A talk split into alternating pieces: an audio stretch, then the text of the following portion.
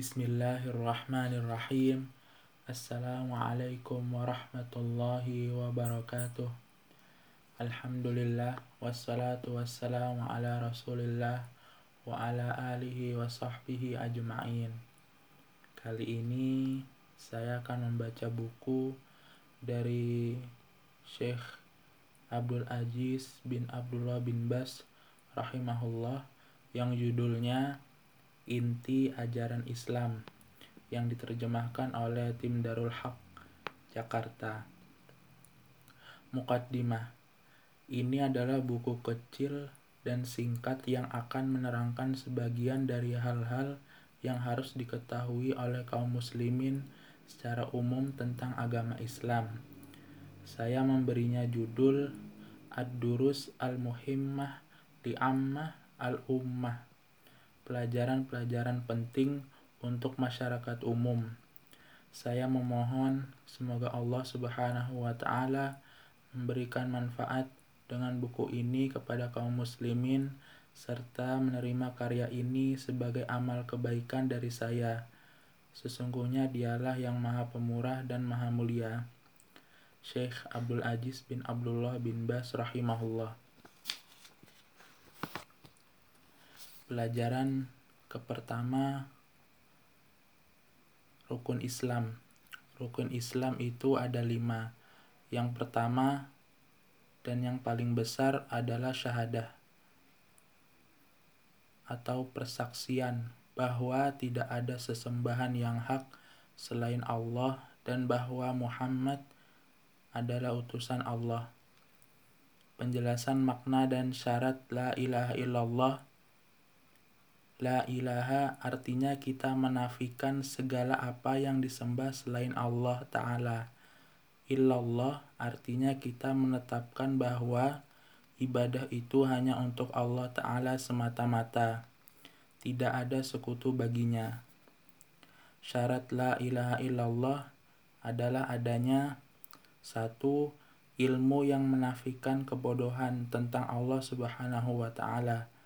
Dua, keyakinan yang menafikan keraguan. Tiga, ikhlas. Murni dalam beribadah kepada Allah Subhanahu wa taala yang menafikan syirik. Empat, kejujuran yang menafikan dusta. Lima, cinta yang menafikan kebencian. Enam, ketundukan yang menafikan pelanggaran, meninggalkan perintah. Tujuh, menerima tanpa ada penolakan. 8. Mengingkari semua apa yang disembah selain Allah Subhanahu wa taala. Syarat-syarat di atas telah terangkum dalam dua bait berikut. Ilmun yakinun wa ikhlasun wa sidquka ma'a Muhammadit muhab, muhabbatin wan kiyadin wal qabuli laha wazidun thaminu hal kufranu minka bima siwal ilahi minal asya'i qad alaha ilmu, keyakinan, keikhlasan, dan kejujuran disertai cinta, tunduk dan menerimanya ditambah lagi yang kedelapan yaitu pengingkaranmu terhadap segala sesuatu yang dipertuhankan selain Allah. Adapun syahadah atau persaksian bahwa Nabi Muhammad Shallallahu Alaihi Wasallam adalah utusan Allah, maka konsekuensinya adalah membenarkan apa yang dikabarkan oleh beliau, menaati perintah beliau, meninggalkan apa yang dilarang oleh beliau, dan hendaklah dia tidak menyembah Allah Subhanahu wa taala kecuali dengan cara yang disyariatkan oleh Allah Subhanahu wa taala sendiri dan rasulnya. Kemudian rukun Islam selanjutnya adalah sholat, zakat, puasa Ramadan, haji di Baitullah Al-Haram bagi yang mampu mengadakan perjalanan ke sana.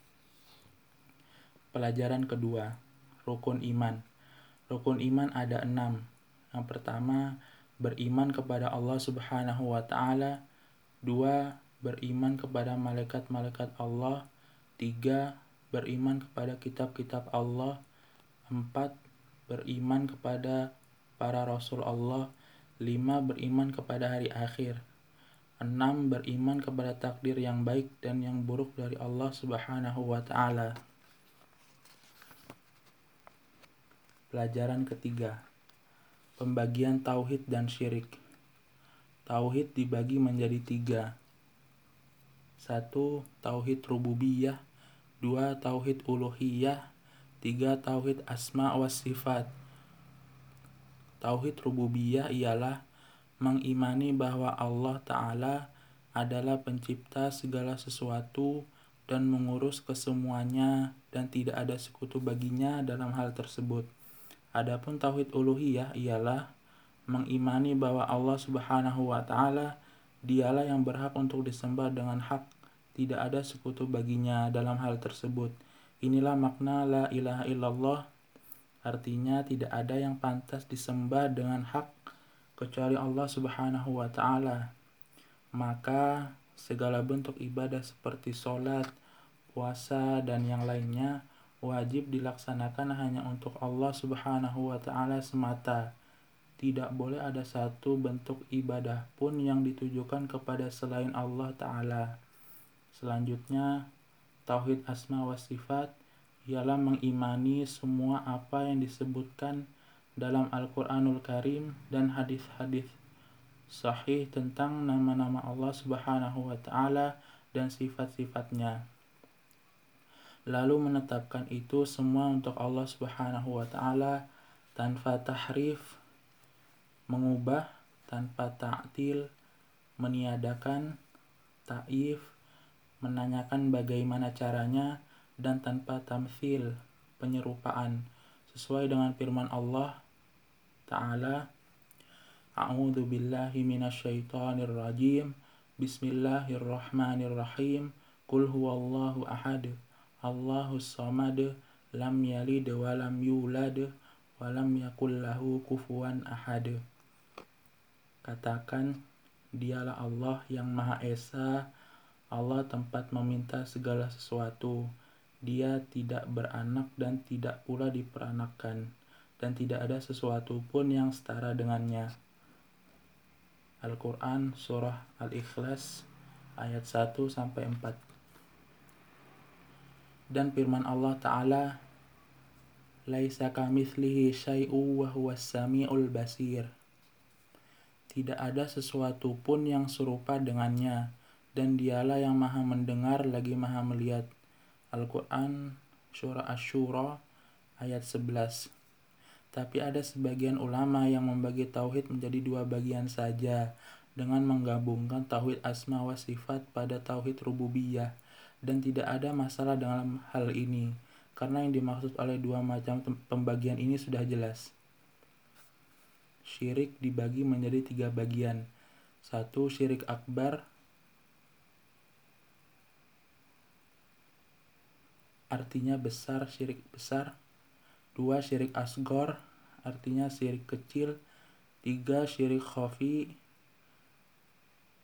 atau syirik samar. Syirik akbar atau syirik besar. Syirik akbar akan menghapuskan pahala amal dan akan mengekalkan pelakunya di dalam neraka. Seperti yang difirmankan Allah oleh Allah taala walau asyraku lahabitu anhum ma kanu ya'malun Sekiranya mereka mempersekutukan Allah, pasti gugurlah amal-amal soleh yang telah mereka kerjakan. Al-Quran Surah Al-An'am ayat 88 Allah Ta'ala berfirman, Maka lil musyrikina ay ya'muru masajidallahi syahidina ala anfusihim bil kufr ulaika habitat a'maluhum wa finnarihum khalidun Tidaklah pantas orang-orang musyrik itu memakmurkan masjid-masjid Allah, padahal mereka mengakui bahwa mereka sendiri adalah kafir. Mereka itu adalah orang-orang yang gugur amal-amal mereka, dan mereka kekal di dalam neraka. Al-Quran Surah At-Taubah ayat 17 Dan barang siapa yang mati dalam keadaan melakukan syirik akbar, maka dia tidak akan diampuni dan surga diharamkan baginya. Allah Ta'ala berfirman, Innallaha la yaghfiru an yushraka bihi wa yaghfiru ma duna dzalika liman yasha.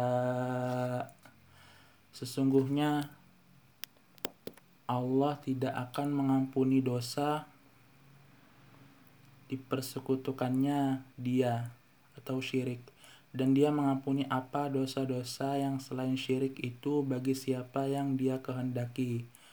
Al-Quran Surah An-Nisa ayat 48 Di dalam ayat lain Allah Ta'ala juga berfirman, Innahu may yushrik billahi faqad harramallahu alaihi al-jannata wa ma'wahu nar wa ma lidzalimina min ansar.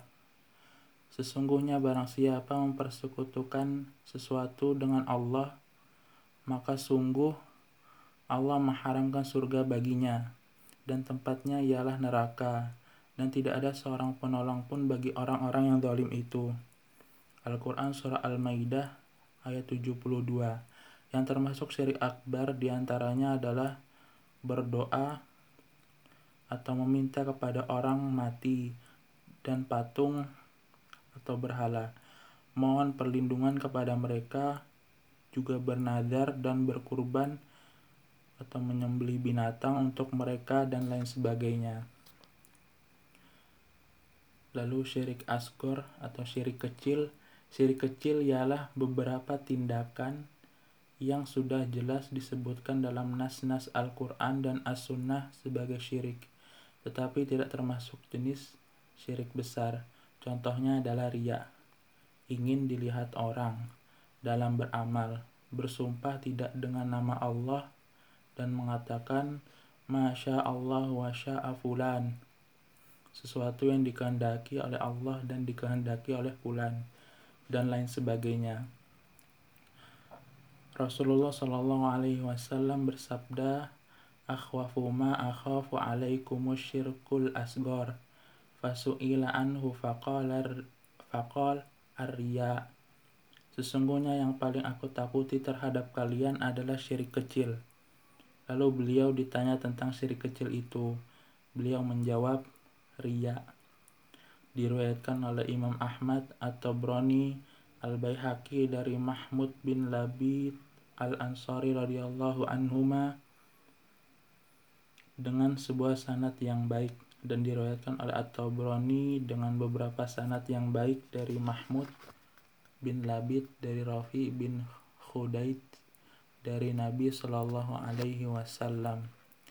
Rasulullah Shallallahu Alaihi Wasallam juga bersabda, "Man halafa bisyai'in dunallahi faqad asyrak."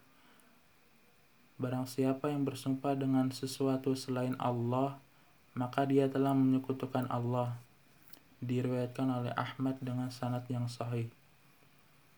Hadis Umar bin Al-Khattab radhiyallahu anhu dan diriwayatkan pula oleh Abu Daud dan At-Tirmidzi dengan sanad yang sahih dan hadis Ibnu Umar radhiyallahu anhu dari Nabi sallallahu alaihi wasallam bahwasannya beliau bersabda man halafa bi ghairillahi faqad kafara au asyrak. Barang siapa bersumpah dengan menyebut nama selain Allah maka dia telah kafir atau syirik. Rasulullah Shallallahu Alaihi Wasallam bersabda, la takulu masya Allah wa fala. Masya Allah wa sya'a fa'alan. Masya Allah wa sya'a falan. Walakin kulu masya Allah thumma sya'a fulan.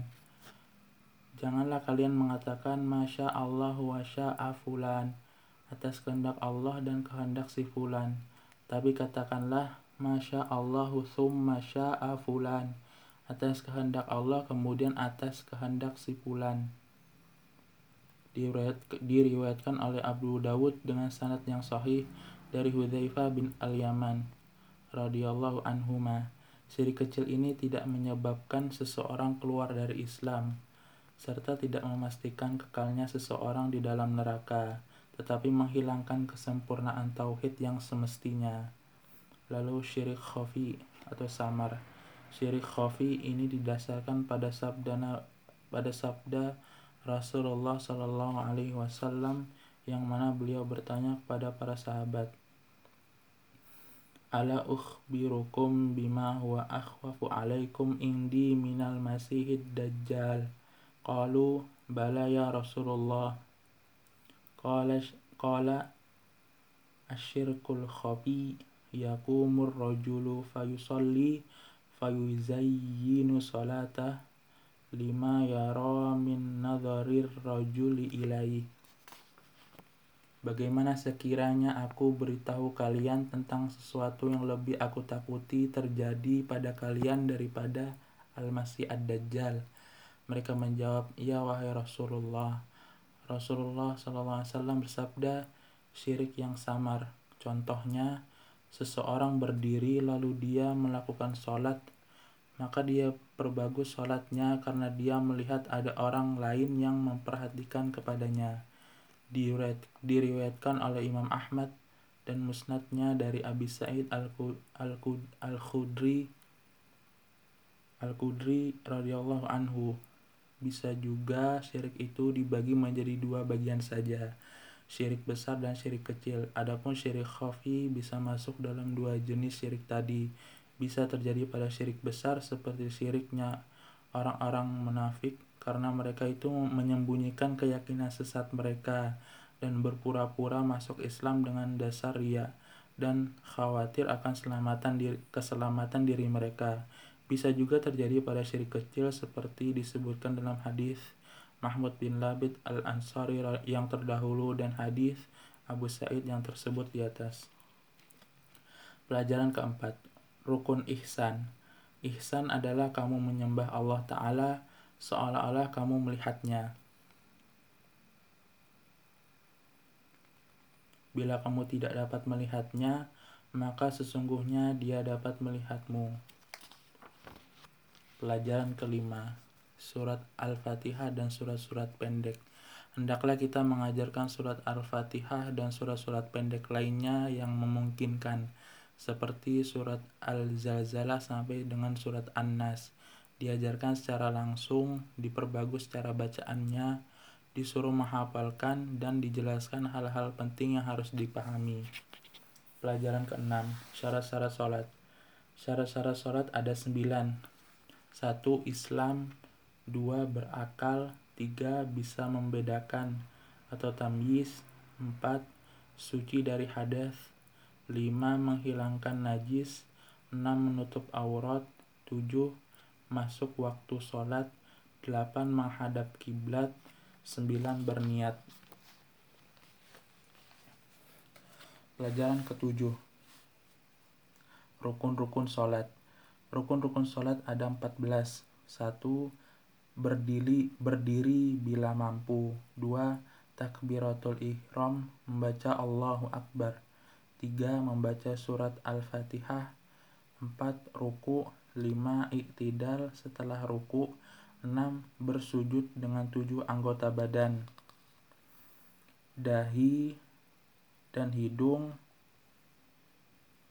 2. Telapak tangan 2. Lutut dan jari-jari Lalu dua kaki diriwayatkan oleh Al-Bukhari dari Ibnu Abbas 7. Bangun dari sujud 8. Duduk di antara dua sujud 9. Tumak ninah atau tenang dalam setiap pergerakan sholat.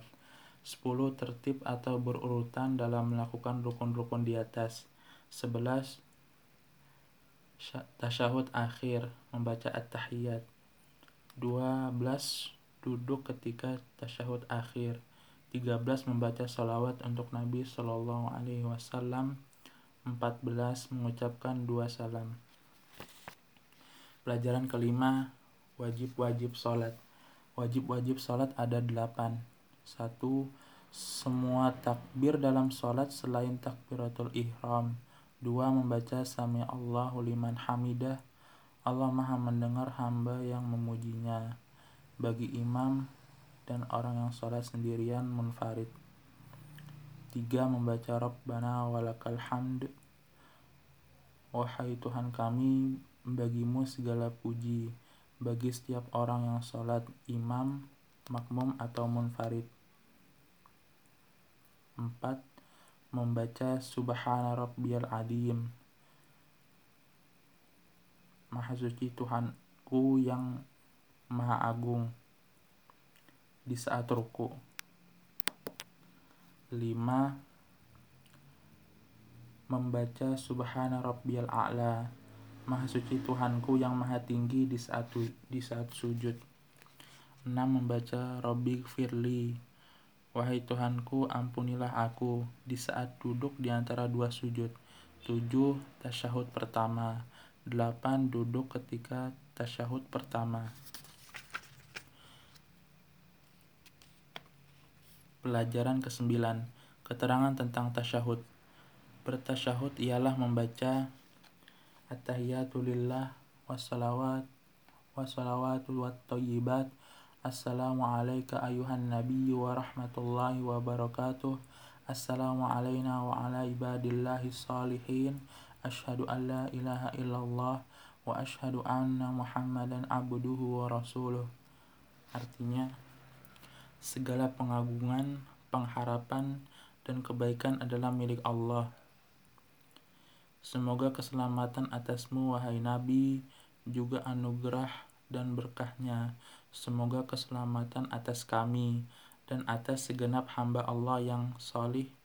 Aku bersaksi bahwa tidak ada Tuhan yang berhak disembah kecuali Allah dan aku bersaksi bahwa Muhammad adalah hamba dan utusannya. Kemudian membaca salawat dan permohonan berkah untuk Nabi Muhammad SAW dengan membaca Allahumma salli ala Muhammad wa ala ali Muhammad kama salaita ala Ibrahim wa ala ali Ibrahim innaka Hamidum Majid wa barik ala Muhammad wa ala ali Muhammad kama barakta ala Ibrahim wa ala ali Ibrahim innaka Hamidum Majid artinya Ya Allah anugerahkanlah salawat atas Muhammad dan keluarganya sebagaimana engkau telah menganugerahkan salawat kepada Ibrahim dan keluarganya. Sesungguhnya engkau maha terpuji lagi maha mulia. Ya Allah, berkahilah Muhammad beserta keluarganya sebagaimana Engkau telah memberkahi Ibrahim dan keluarganya. Sesungguhnya Engkau Maha Terpuji lagi Maha Mulia. Kemudian dilanjutkan untuk tasyahud terakhir dengan memohon perlindungan kepada Allah Ta'ala dari siksa neraka jahanam, siksa kubur, ujian kehidupan dan kematian, dan dari godaan Dajjal. Setelah itu boleh membaca doa apa saja yang dia inginkan. Diutamakan doa-doa yang ma'thur. Ada contohnya dari Nabi Shallallahu Alaihi Wasallam misalnya Allahumma a'in ala dzikrika wa syukrika wa husni ibadatik Allahumma inni dhalamtu nafsi dhulman kathira wa la yaghfiru dhunuba illa ant Faghfirli maghfiratan min indika warhamni innaka antal ghafurur rahim. Ya Allah, bantulah aku untuk selalu mengingatmu, bersyukur kepadamu, dan beribadah sebaik-baiknya kepadamu. Ya Allah, sesungguhnya aku telah banyak menganiaya diriku dan tidak ada yang dapat mengampuni dosa kecuali Engkau maka ampunilah aku dengan maghfirah darimu dan rahmatilah aku. Sesungguhnya engkaulah yang maha pengampun lagi maha pengasih. Pelajaran ke-10 Sunnah-sunnah sholat Di antaranya ialah yang pertama membaca doa istiftah Dua, meletakkan telapak tangan kanan di atas telapak tangan kiri di atas dada ketika berdiri sebelum ruku dan setelah ruku atau iktidal. Tiga, mengangkat kedua tangan dengan jari-jari lurus dan dirapatkan sejajar dengan pundak atau telinga. Saat takbiratul ihram atau takbir pertama, ruku, bangun dari ruku, dan ketika berdiri dari tasyahud menuju ke rakaat ketiga. Empat, membaca tasbih saat ruku dan sujud lebih dari satu kali. Yang sunnah adalah yang kedua dan selanjutnya. lima Kelanjutan dari bacaan Rabbana lakal hamd Rabbana walakal hamd setelah bangun dari ruku dan membaca doa istighfar lebih dari satu kali ketika duduk di antara dua sujud. 6. Memposisikan kepala sejajar dengan punggung ketika ruku. 7. Menjauhkan dua lengan dari dua sisi badannya menjauhkan perut dari dua paha dan menjauhkan dua paha dari dua betisnya di saat bersujud. 8. Mengangkat dua lengan dari tanah di saat sujud. 9. Duduk di atas kaki kiri dan menegakkan kaki kanan. Duduk iftirosh di saat tasyahud pertama dan ketika duduk di antara dua sujud. 10. Duduk tawarru di saat tasyahud terakhir dalam salat yang empat rakaat atau tiga rakaat. Duduk tawaruk itu ialah duduk di atas tanah dengan posisi kaki kiri berada di bawah kaki kanan, sementara kaki kanan tersebut ditegakkan. 11.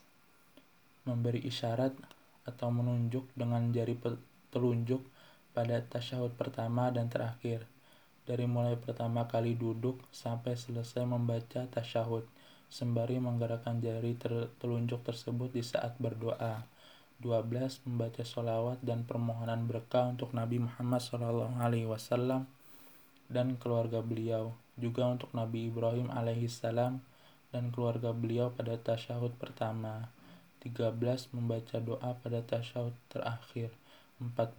Mengeraskan bacaan pada waktu sholat subuh sholat Jumat, sholat dua hari raya, sholat istisqa atau minta hujan, dan pada dua rakaat pertama dari sholat maghrib dan sholat isya. 15 menyamarkan bacaan pada waktu sholat duhur, sholat asar, dan pada rakaat ketiga dari sholat maghrib dan dua rakaat terakhir dari sholat isya. 16 membaca ayat-ayat Al-Quran setelah membaca surat Al-Fatihah. Ditambah lagi dengan sunnah-sunnah lain yang belum kita sebutkan di sini. Di antaranya adalah kelanjutan bacaan Rabbana walakal hamd setelah berdiri dari ruku oleh imam, makmum dan orang yang sholat munfarid atau sendirian. Hal ini termasuk sunnah. Di antaranya pula adalah meletakkan kedua telapak tangan pada kedua lutut dengan jari-jari yang diregangkan di saat ruku. demikian untuk episode yang kali ini episode selanjutnya akan saya akan melanjutkan baca buku ini sampai habis insya Allah ta'ala. Semoga bermanfaat.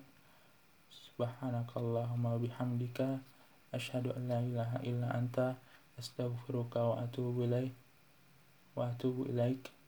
Wassalamu alaikum warahmatullahi wabarakatuh